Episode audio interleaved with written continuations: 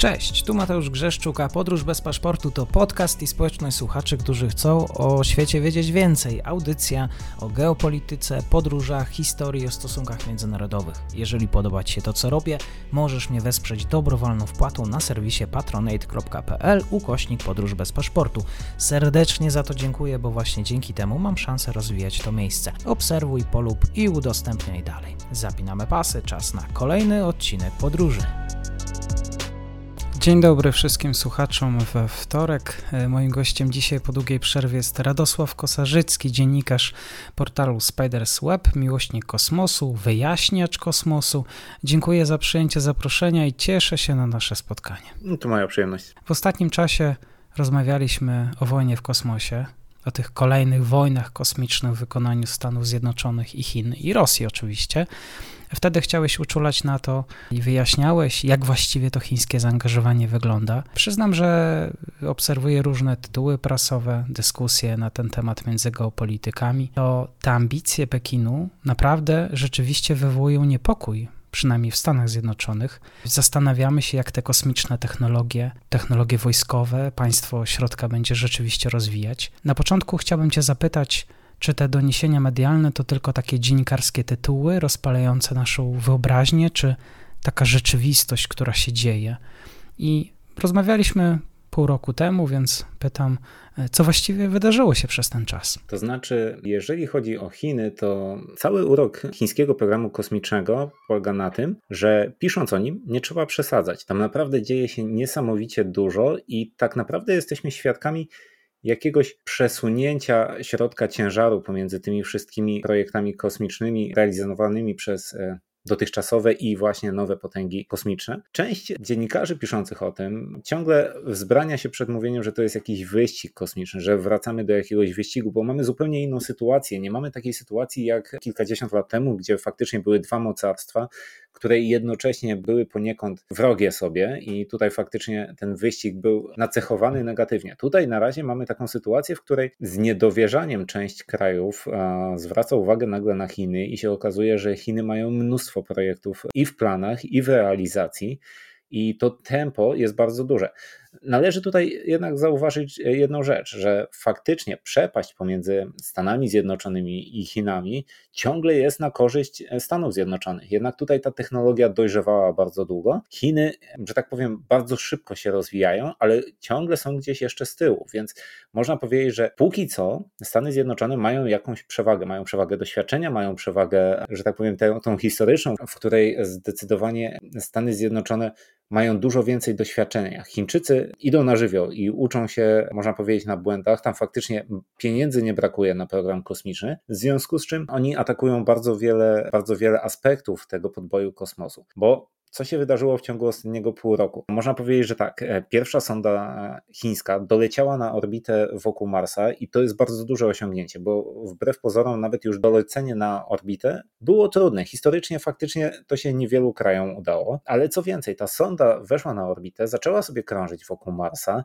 wykonywać zdjęcia powierzchni. Chińscy naukowcy wybrali sobie jakieś miejsce na powierzchni i w to miejsce z tej sondy, z tej pierwszej sondy, która, którą po raz pierwszy tak naprawdę wysłali w kierunku Marsa, opuścili e, lądownik na powierzchnię Marsa i to już jest fenomenalne. To jest coś, co się można kilku krajom tak naprawdę na świecie udało, żeby w ogóle jakiś lądownik dotarł na powierzchnię Marsa bezpiecznie, nie rozbijając się, bo jeżeli chodzi o rozbijanie się, to jest zupełnie inna bajka. Ale z tego lądownika wyjechał łazik, łazik marsjański i to jest już po prostu coś fenomenalnego. Jedyne łaziki, które dotychczas jeździły po Marsie były amerykańskie. Nikomu nikomu innemu się to nie udało, żeby faktycznie jakiś łazik wylądował na Marsie. Podczas gdy Chiny zrobiły, zrobiły taki kosmiczny hat trick, można powiedzieć, bowiem no po prostu wysłały sondę, pierwszą sondę, udało się, wysłały lądownik, udało się, wyjechał łazik, udało się i on jeździ i bada powiedzmy tam tego Marsa, więc to jest jakieś fenomenalne osiągnięcie, o którym się wiele nie mówi, aczkolwiek teraz coraz częściej się mówi, bo faktycznie, owszem, mamy łazik Perseverance, mamy łazik wcześniejszy Curiosity, mamy helikopter teraz już na Marsie, Ingenuity, który radzi sobie fenomenalnie, ale jednak teraz w ten obraz weszły Chiny i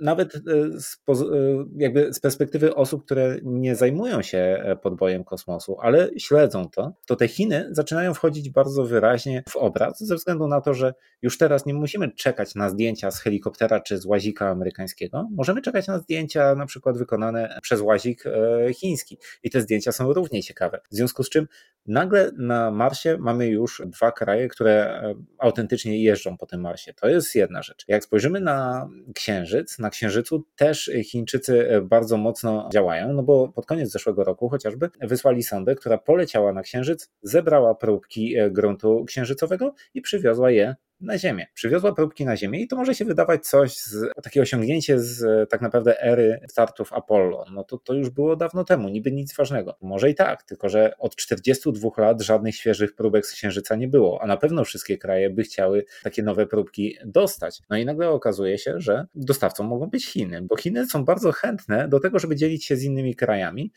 czym podszczypują troszeczkę Amerykanów, bowiem amerykańscy naukowcy nie mogą współpracować w ogóle w zakresie e, kosmicznym z Chinami. Tam jest ta ustawa Wolfma, która została przyjęta przez kongres, zakazująca tak naprawdę współpracy amerykańskich naukowców e, z Chinami. Raczej szans na to, żeby ona została wycofana nie ma. W związku z czym tak naprawdę Chińczycy mogą teraz zachęcać inne kraje do tego, żeby nie tylko patrzyły w stronę NASA, ale żeby patrzyły na, na przykład właśnie w stronę Chin. I kolejny aspekt bardzo ważny, powstała pierwsza stacja kosmiczna chińska. Co więcej, Chińska stacja wyleciała na orbitę, doleciała do niej, doleciał do niej statek transportowy, doleciał do niej statek załogowy, poleciała pierwsza załoga, pierwsza załoga już tam jest kilka tygodni, będzie bodajże przez trzy miesiące i ta pierwsza załoga faktycznie już wykonuje jakieś tam eksperymenty na pokładzie tej stacji kosmicznej, już wyszła na pierwszy spacer kosmiczny z tej stacji i to w ogóle był drugi spacer kosmiczny w historii Chin, więc no, mamy kilka miesięcy i tak dużo się dzieje i na Księżycu, i na orbicie okołoziemskiej, i na Marsie. I co więcej, tak naprawdę Chiny nie mają zamiaru przestać, ze względu na to, że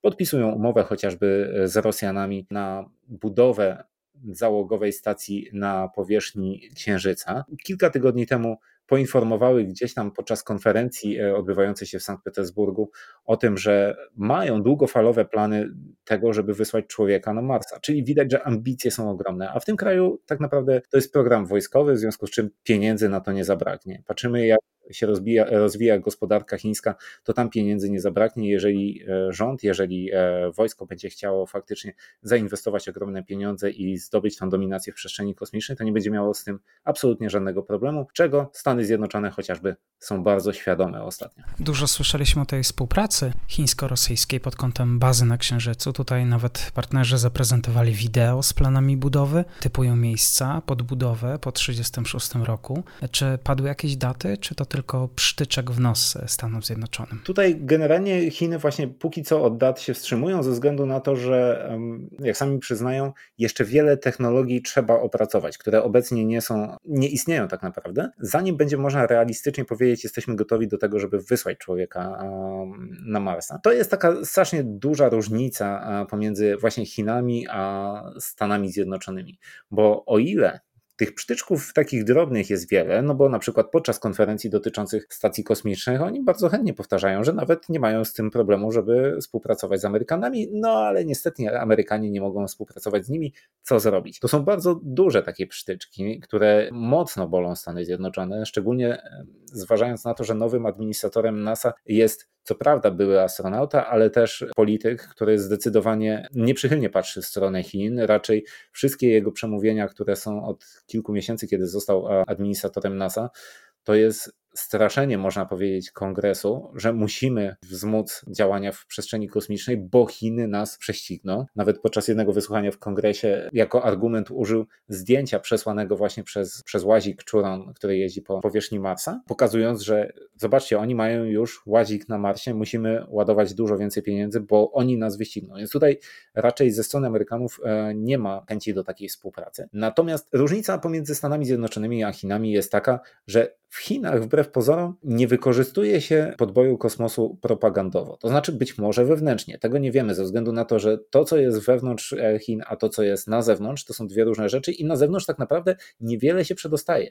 Nie ma takiego czegoś, że Chiny po prostu organizują potężną konferencję, na którą każdy może się zalogować i posłuchać. Raz, że robią sobie konferencję i wszystkie informacje prasowe przesyłają po chińsku, przesyłają to na swoim wewnętrznym portalu Weibo i tak naprawdę nie ma jednego miejsca nawet na tym portalu Weibo, gdzie można śledzić ten postęp kosmiczny, tylko tutaj ktoś wrzuci jedno zdjęcie, tam ktoś wrzuci inne. To są takie przypadkowe zdjęcia, przypadkowe informacje, które tak naprawdę do nas docierają i je trzeba wyławiać z tych. Więc oni nie mają interesu, tak jakby, przynajmniej tak wygląda, w takim PR-ze, żeby wykorzystywać to PR-owo. W związku z czym, póki co, wszystko co Chiny mówią, że zrobią do danego roku, to robią. W Stanach Zjednoczonych jest dokładnie odwrotnie. Tam już był powrót człowieka na Księżyc zaplanowany na 2024 rok. Wiadomo, że to się nie wydarzy, bo po prostu roboty zostało mnóstwo, a zostały 3 lata, a Stany Zjednoczone ciągle mówią, no ale mamy taką ambicję, żeby w 2024 roku wylądować, bo przyznanie się do tego, że trzeba będzie przedłużyć, no najlepiej odłożyć na później. I, i to, to, to, są takie zupełnie różne podejścia, i faktycznie, jak się patrzy na to, co NASA prezentuje w kontekście tych misji ambitnych, czyli właśnie powrotu człowieka na Księżyc, czy dalej nawet misji, misji marsjańskich, to to jest dużo PR-u, ładne grafiki, ale tak naprawdę niewiele to ma wspólnego z rzeczywistością. W Chinach, jak e, oni mówią, że faktycznie wyślą na przykład stację kosmiczną w przestrzeń, to nie ją wysyłają. I teraz sama budowa na przykład tej stacji kosmicznej, bo ona ciągle jest w, w toku budowy, ma potrwać 18 miesięcy. Tylko, że harmonogram który został przedstawiony, mówi: No tak, wysyłamy jeden moduł, potem wysyłamy transport, potem wysyłamy załogę, potem wysyłamy drugi moduł, potem coś jeszcze i tak dalej. I to wszystko konsekwentnie się dzieje. Tutaj nawet nie ma żadnej sensacji, nie ma wątpliwości, że jeżeli Chiny powiedziały, że coś wyślą, to wyślą. No to faktycznie i tak się okazuje, że co prawda było na przykład jakieś opóźnienie w starcie statku transportowego i automatycznie informacja z Chin jest OK, on się opóźni ten start o dwa dni, ale nie wpłynie to na datę startu pierwszego statku załogowego. No i faktycznie tak było. Dwa dni później później wystartował statek transportowy, a statek e, z pierwszymi tajkonautami, no bo w Chinach się mówi na astronautów tajkonauci, pierwsi tajkonauci polecieli zgodnie z planem i siedzą na tej stacji kosmicznej. Co więcej, robią, robią coś, bo to nie jest tak, że oni faktycznie polecieli i tam siedzą w tym jednym module i są zakopani, tylko automatycznie wyszli, już zrobili pierwszy spacer kosmiczny, spędzili bodajże 6,5 godziny na zewnątrz, na zewnątrz stacji. Bodajże montowali tam jakieś elementy. Aha, tak, montowali e, jakieś stanowisko takiego wysięgnika do gigantycznego ramienia robotycznego, którym swoją drogą administrator NASA też straszył, e, bo się zastanawiał, czy w takim razie to ramię robotyczne nie będzie chwytywało na przykład satelitów amerykańskich i nie będzie zrzucało ich w atmosferę. Poważnie, takie rzeczy, takie argumenty gdzieś się tam pojawiają w, tej, w tym dyskursie. No, zważywszy, jak duża jest orbita i jak wiele jest płaszczyzn orbity, to przy ramieniu, które ma kilkanaście metrów długości, to raczej się nie da tego zrobić. No ale widać tą panikę, w związku z czym tam się naprawdę bardzo dużo dzieje, a ze strony Chin tak naprawdę nie ma jakiegoś podejścia takiego, że to jest jakaś rywalizacja, musimy zrobić coś szybciej. Nie, tam wszystkie komunikaty, które stamtąd się wydostają, to są komunikaty bardzo spokojne, oznajmiające, nie w trybie ambicji, przedstawiania ambicji, tylko w trybie tak naprawdę informowania opinii publicznej, co tam się dzieje. Oczywiście, jako miłośnik kosmosu podpatrujesz to, co się dzieje, jakie są perspektywy różnych misji. Myślę też, że kreślisz plany wysyłania ludzi na Marsa, zacieśniania tych różnych współprac między państwami. E, to jest taka przestrzeń, w której realizują się innowacje, technologie, przestrzeń, w której można realizować to, co dla człowieka było dotychczas niedostępne. W pewien sposób jest to też taka pochwała umysłu człowieka, wiedzy, jak postępuje ten świat nauki. Pytanie do ciebie, czy w tej też ładnej otoczce, sukcesie, sukcesie ludzkości, e, nie boisz się militaryzacji tej przestrzeni, bo na razie to traktujemy jako wspólne dobro, patrzymy w kosmos i myślimy o, e, o tym kosmosie, o jakimś marzeniu, mm, ale czy przypadkiem to spojrzenie nie zmieni się zaraz w taki, w takie spojrzenie wojenne? Ty zgadzasz się z tego typu argumentami? Czy łatwo patrzy ci się w niebo, myśląc o tym, że to może być ta przestrzeń militarna? To znaczy, wiele się o tym mówi, natomiast e, ja akurat jestem sceptykiem, mm, jeżeli chodzi o militaryzację kosmosu, ze względu na to, że to jest przestrzeń kosmiczna, w związku z czym im dalej od Ziemi, tym mniejsze zagrożenie, że tam się coś będzie działo. Natomiast jak spojrzymy na chociażby orbitę okołoziemską, czyli tutaj, gdzie tak naprawdę działają póki co załogowe misje jakiekolwiek, to Chiny mogłyby, to znaczy, gdyby w sytuacji, gdyby faktycznie doszło do jakiegoś konfliktu między, nie wiem, Stanami Zjednoczonymi a Chinami, czysto hipotetycznie, wykorzystanie przestrzeni kosmicznej do tej walki byłoby czymś, no raz, że nierozsądnym, ale nie do opanowania, ze względu na to, że załóżmy, Chiny wysyłają um, rakietę i to zrobiły już kiedyś, zrobiły test broni, która pozwalała na zestrzelenie satelity. Oni zestrzelili swoją e, swojego własnego satelity, to już było chyba kilkanaście lat temu, tylko, że efekt był taki, że rakieta trafiła w satelitę, rozmyła go w pył niemalże i z tego pyłu powstało po prostu 2000 śmieci kosmicznych, których nikt nie kontrolował, ze względu na to, że to były już szczątki satelity, nie miały żadnego napędu, w związku z czym one pozostały na orbicie i tak naprawdę stanowią zagrożenie i dla amerykańskich satelitów, i dla stacji kosmicznej, ale także dla wszystkich innych satelitów, wszystkich innych stacji kosmicznych, bo na, z orbity ściągnąć śmieci kosmiczne jest niesamowicie trudno. Do dzisiaj nie ma tak naprawdę sensownego żadnego pomysłu na to, jak zarządzać odpadkami, które zostawiamy na orbicie okołoziemskiej i co z nimi zrobić, jak je ściągnąć na Ziemię, żeby e, wpadły w ziemską atmosferę i e, spaliły się po drodze do Ziemi.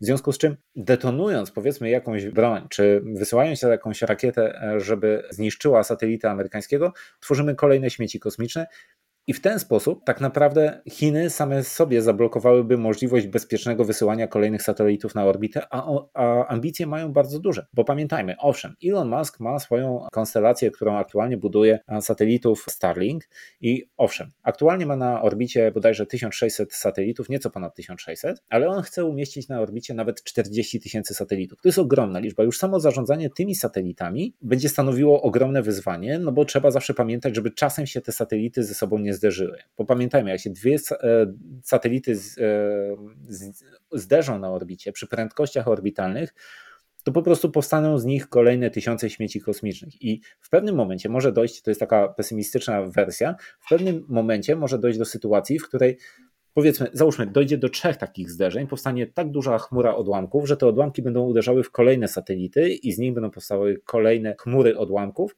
i w pewnym momencie, to się nazywa syndrom Kesslera, dojdzie do sytuacji, w której nie będziemy w stanie w ogóle wysłać nic na orbitę okołoziemską, bo tam będzie za dużo odłamków. Wszystko, co wyślemy, to coś za chwilę w to uderzy, bo nie jesteśmy w stanie nawet ich śledzić, bo pamiętajmy, e, przy takich prędkościach nawet szczątek satelity, który ma 2 cm, może spokojnie przebić satelitę i go zniszczyć, nie mówiąc już o astronautach, stacjach kosmicznych i tak. W związku z czym zniszczenie, e, doprowadzenie do takiego syndromu Kesslera w pesymistycznej wersji sprawi, że ludzkość po prostu będzie mogła zamknąć książkę pod tytułem Podbój przestrzeni kosmicznej na na przykład 100-200 lat, zanim to wszystko z czasem być może spadnie do atmosfery albo odleci na inną orbitę. W związku z czym to nie, nie byłoby w interesie niczyim. Owszem, militaryzacja kosmosu może oznaczać powiedzmy wysyłanie kolejnych satelitów szpiegowskich, ale nie oszukujmy się, tego jest już mnóstwo na orbicie i każdy z tych krajów, czy to Rosja, czy Stany Zjednoczone, czy Chiny, mają mnóstwo i będą miały jeszcze więcej, czy to satelitów, czy e, szpiegowskich, czy powiedzmy jakichś dronów autonomicznych, które faktycznie będą wylatywały na orbitę i będą sobie tam latały, e, wykonywały obserwacje, ale to te wszystkie kraje już wiedzą, że tak jest. Więc myślę, że jeżeli chodzi o taki klasyczny konflikt, powiedzmy zbrojny, niszczenie czegokolwiek na orbicie, to raczej nie. To, to, to, to nie jest e, zagrożenie. Tak mi się przynajmniej wydaje. Chciałbym więc, żebyś się odniósł do słów jednego z popularnych dzisiaj ekspertów, doktora Jacka Bartosiaka ze Strategy and Future, który na temat kosmosu wypowiada się coraz częściej. Wypowiedział takie słowa, że kto będzie arbitrem na orbicie może nie dopuścić innych graczy, że w tej grze o kosmos nie ma nagród za drugie miejsce. Myślisz, że może dojść do takiej sytuacji, że jeden gracz może uniemożliwić drugiemu państwu e, właściwie dostęp do tego kosmosu? Myślę, że to by było ciężkie do zrealizowania, ze względu na to, że warto tutaj pamiętać, że ciągle Chiny mają dużo do zrobienia, zanim faktycznie by dogoniły Stany Zjednoczone i im realnie zagroziły. No spójrzmy tak, no jeżeli chodzi na przykład o konstelację satelitów z internetem, to Chiny planują wysłać, to znaczy Inaczej, w Chinach jest wiele startupów, które myśli o takich konstelacjach, po czym rząd chiński wchodzi i mówi: Nie, nie, te wszystkie konstelacje, te wszystkie wasze pomysły są bardzo fajne i my to zbieramy w jedno i robimy narodową konstelację satelitów. Taki pro, program powstał i to jest bodajże 13 tysięcy satelitów, które te startupy teraz się ze sobą połączą po to, żeby faktycznie stworzyć taką chińską konstelację, żeby tego, mm, tych satelitów na orbicie było jeszcze więcej. No ale z drugiej strony, po drugiej stronie Atlantyku mamy jednak samego Ilona Muska, który jako jedna firma chce umieścić 40 tysięcy, e, Jeff Bezos chce umieścić kolejne naście tysięcy, OneWeb brytyjski chce umieścić też jakąś taką mniejszą konstelację, ale mimo wszystko. Więc myślę, że póki co to nie ma takiego zagrożenia ze strony Chin. Oni bardzo szybko się rozwijają, bardzo szybko się uczą, ale mają jeszcze daleką drogę. To jest wielki kraj, ale mimo wszystko oni bardzo późno zaczęli w, tym, w tej przestrzeni kosmicznej, więc póki co ja zagrożenia nie widzę. Widzę nawet okazję do um, do jakiejś współpracy. Nie wiem, czy to w najbliższych latach się zdarzy, bo przy aktualnym administratorze NASA raczej to się nie zdarzy. Raczej nie dojdzie do współpracy między naukowcami, chociaż naukowcy amerykańscy akurat skłaniają się i wypowiadają się do tego, że może warto by było jednak współpracę nawiązać. No pamiętajmy, zobaczmy, jak się, co się dzieje pomiędzy Stanami Zjednoczonymi a Rosją w przestrzeni kosmicznej. Nawet gdy stosunki, stosunki polityczne na Ziemi były dosyć chłodne, to naukowcy działali ponad tym podziałem. Oni akurat ze sobą współpracowali, realizując różne misje kosmiczne. I to może być potencjalnie jakieś, e, jakaś przestrzeń, w której ta współpraca będzie działała, nawet jeżeli e, powiedzmy e, gospodarki będą się ze sobą ścierały. I to może być jakiś punkt łączący, a nie dzielący. Myślę, że tutaj ta współpraca by była doskonała i, i i tak naprawdę każdy by skorzystał. No bo powiedzmy, jeżeli na przykład e, Chińczyków nie wpuszczamy na e, międzynarodową stację kosmiczną, to jaki jest efekt? Chińczycy budują własną i wtedy ta własna stacja kosmiczna wszystkim przeszkadza. Ale, ale pomyślmy, czy tak naprawdę obawa na przykład o to, że jeżeli wpuścimy Chińczyków na stację kosmiczną, to oni wyciągną nasze tajemnice um, na zewnątrz i skopiują je u siebie, czy to jest realna obawa? Nie wierzę. Po prostu nie wierzę, że Chińczycy i tak nie wiedzą o stacji kosmicznej e, wszystkiego, co chcieli się dowiedzieć. Przecież na, tej, na Międzynarodowej Stacji Kosmicznej było mnóstwo astronautów z wielu różnych krajów i stacja działa ponad 20 lat i tak naprawdę wszystko, co można o niej wiedzieć, to Chiny i tak wiedzą. No i efekt jest taki, że teraz mamy drugą stację kosmiczną, czyli latają dwie. No i fajnie by było tak naprawdę nawiązać tą współpracę, szczególnie, że oni, że Chińczycy można powiedzieć, właśnie dają takiego przytyczka Amerykanom, mówiąc, że oni są otwarci, otwarci na współpracę. Co by było, gdyby teraz e, Amerykanie się zgodzili na taką współpracę, zmienili front i powiedzieli: No dobra, no to w takim razie my zapraszamy do Was, Wy zapraszacie do siebie. Efekt byłby taki, że tak naprawdę Stany Zjednoczone dostałyby jakiś dostęp do informacji z Chin. Bo teraz się siły przesunęły i teraz nie tylko Chińczycy chcą się dowiedzieć, co Amerykanie robią w kosmosie, ale tak naprawdę amerykańscy naukowcy chcą się dowiedzieć, co robią Chińczycy. Co więcej, jak ta amerykańska sonda doleciała do, do Marsa, no to amerykańscy naukowcy z NASA bardzo byli zainteresowani chociażby danymi orbitalnymi tej sondy, Chociażby po to, żeby na przykład amerykańska sonda Mars Reconnaissance Orbiter, żeby przeleciała nad miejscem lądowania tego łazika chińskiego. I zgodnie z tą ustawą, która aktualnie obowiązuje w Stanach Zjednoczonych, amerykańscy naukowcy nie mogli zapytać chińskich o to, jakie dane, jakie parametry orbitalne ma ta sonda. No i teraz się okazuje, że Owszem, my im nie damy żadnych informacji, tylko problem jest na tym, że to my od nich chcemy informacje i, i nie możemy się o to spytać. Sami sobie e, Amerykanie niejako zapędzili się w kozi róg, bo sytuacja całkowicie się zmieniła. Dotychczas wszyscy mówili, NASA ma wielkie tajemnice kosmiczne i będziemy ich bronić przed Chińczykami. A teraz się okazuje, że fajnie by było się dowiedzieć, co oni robią, bo oni robią bardzo dużo, a my nie możemy się nawet o to spytać.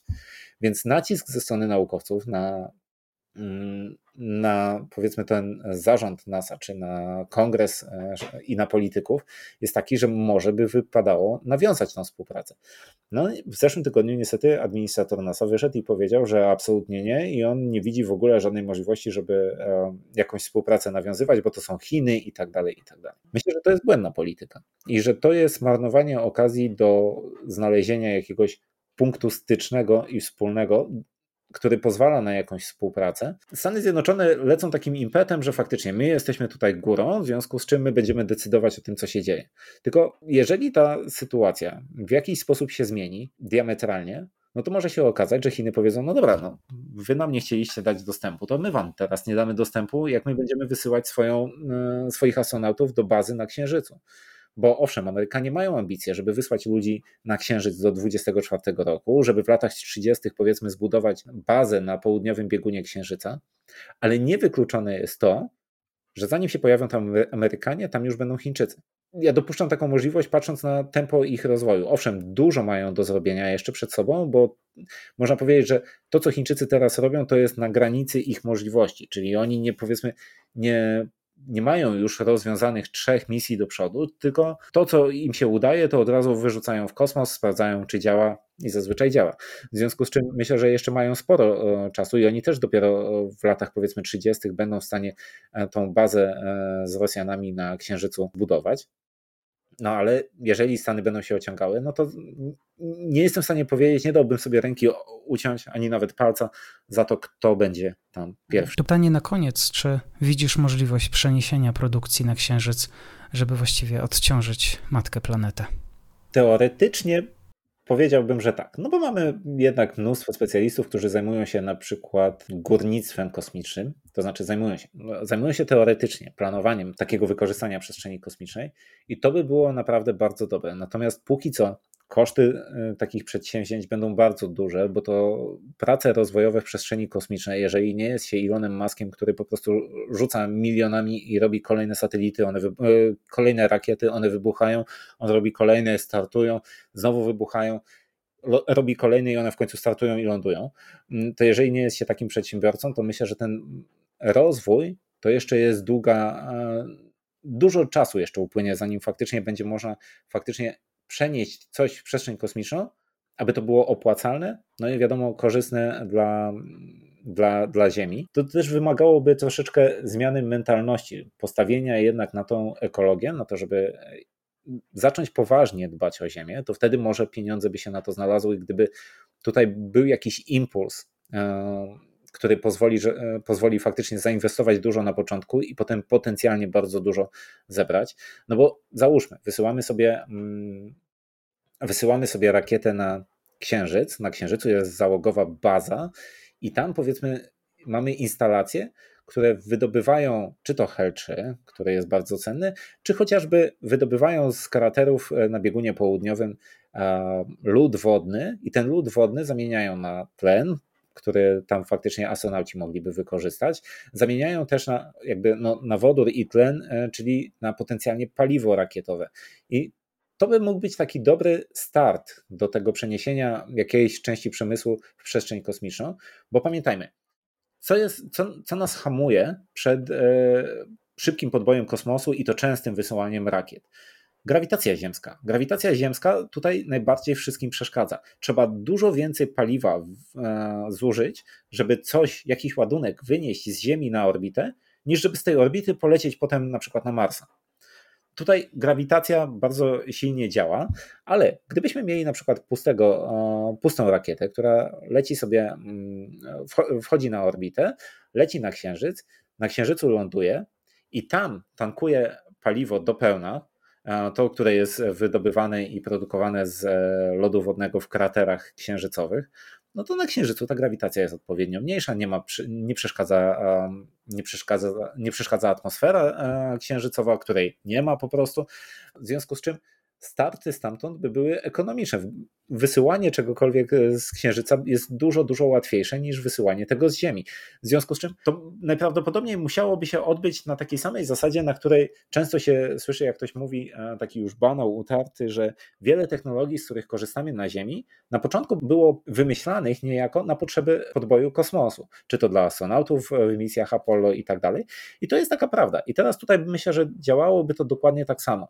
Wiele rzeczy, które byśmy wymyślili po to, żeby stworzyć tą bazę na Księżycu, żeby zapewnić tam warunki ludziom do życia, to znaczy do życia jako takiego, bo nie oszukujmy się, na Księżycu człowiek nie jest przystosowany ani do grawitacji, ani do wszystkiego, w związku z czym dużo technologii trzeba by było wymyślić, żeby on tam mógł, powiedzmy, egzystować przez jakiś czas, przez kilka miesięcy, czy tam przez rok, to wiele z tych technologii mogłoby się potem nam przydać na Ziemi, i myślę, że w ten sposób moglibyśmy tak powoli, stopniowo przenosić się, nie, nie przenosić ludzkość, ale przenosić ten przemysł chociażby e, w przestrzeń kosmiczną i długofalowo, w sensie liczmy to w dziesiątkach lat, e, jest to jakiś pomysł i myślę, że myślę, że przy, szczególnie przy pogarszających się warunkach aktualnie na Ziemi klimatycznych, to stanie się priorytetem. Myślę, że nie w, tym, nie w tej dekadzie, nie w następnej, ale wtedy, kiedy tak naprawdę już nam się będzie gorąco robiło, bo póki co wszystkie dane wskazują, że zmiany klimatyczne na Ziemi są poważne i faktycznie musimy przemodelować i nasz przemysł, e, szczególnie ten ciężki, i wiele innych sektorów naszego codziennego życia, ale tak naprawdę, póki jest 35 na dworze, no to jest fajne lato i nikomu to nie przeszkadza. Wiele, wielu osobom jest ciężko uwierzyć, że jakikolwiek wzrost temperatury, powiedzmy o półtora stopnia w skali roku, takich średnich temperatur, że to w ogóle coś oznacza. Ale jak się wgryzamy w dane, to się okazuje, że to są poważne zmiany, które już zachodzą. To nie jest tak, że jeżeli coś zrobimy, to za 20 lat będzie problem. Nie, te problemy już są teraz. Można powiedzieć, chociażby teraz pojawiła się informacja, że zanotowano kolejną rekordową temperaturę na Antarktydzie. Inna część świata okazuje się, że w Rosji topnieje wieczna zmarzlina, czyli ta część Ziemi, która zawsze była zamarznięta przez cały rok, no i co to może oznaczać? Owszem, tam są e, grząskie tereny teraz, no bo to topnieje, osiadają budynki, pękają ulice i tak dalej, ale to nie jest najgorsze. Najgorsze jest to, że w wiecznej zmarzlinie uwięzione są ogromne ilości gazów cieplarnianych. Jeżeli ona topnieje, to one są uwalniane do atmosfery i napędzają, przyspieszają zmiany klimatyczne. W związku z czym to będzie bardzo przyspieszało lawinowo i ja myślę, że ludzkość ma taką właśnie cechę, że zabierze się do roboty, na przykład poprzez wynoszenie e, przemysłu w przestrzeń kosmiczną, wtedy, kiedy będzie już naprawdę gorąco, a wręcz za późno. I wtedy myślę, że ten impuls, ta inicjatywa będzie na tyle silna, że faktycznie i znajdą się pieniądze, i znajdą się naukowcy, którzy będą chcieli się tym zająć. Póki co to jest raczej w e, sferze takiego science fiction, o którym bardzo chętnie się myśli, no bo człowiek chciałby żyć w erze kosmicznej, gdzie wszystko lata w kosmos, ludzie latają na wakacje na Księżyc, no ale to jeszcze trochę potrwa. O tych Gwiezdnych Wojnach, o tym, czy wojna w kosmosie jest nieunikniona, wojna na orbicie, tutaj szereg różnych epitetów, e, mówił mi Radosław Kosarzycki, Spiders Web. Dziękuję serdecznie za nasze spotkanie i zapraszam wszystkich na fanpage Radka, który opisuje te wszystkie nowości kosmiczne. Dziękuję serdecznie. Do usłyszenia.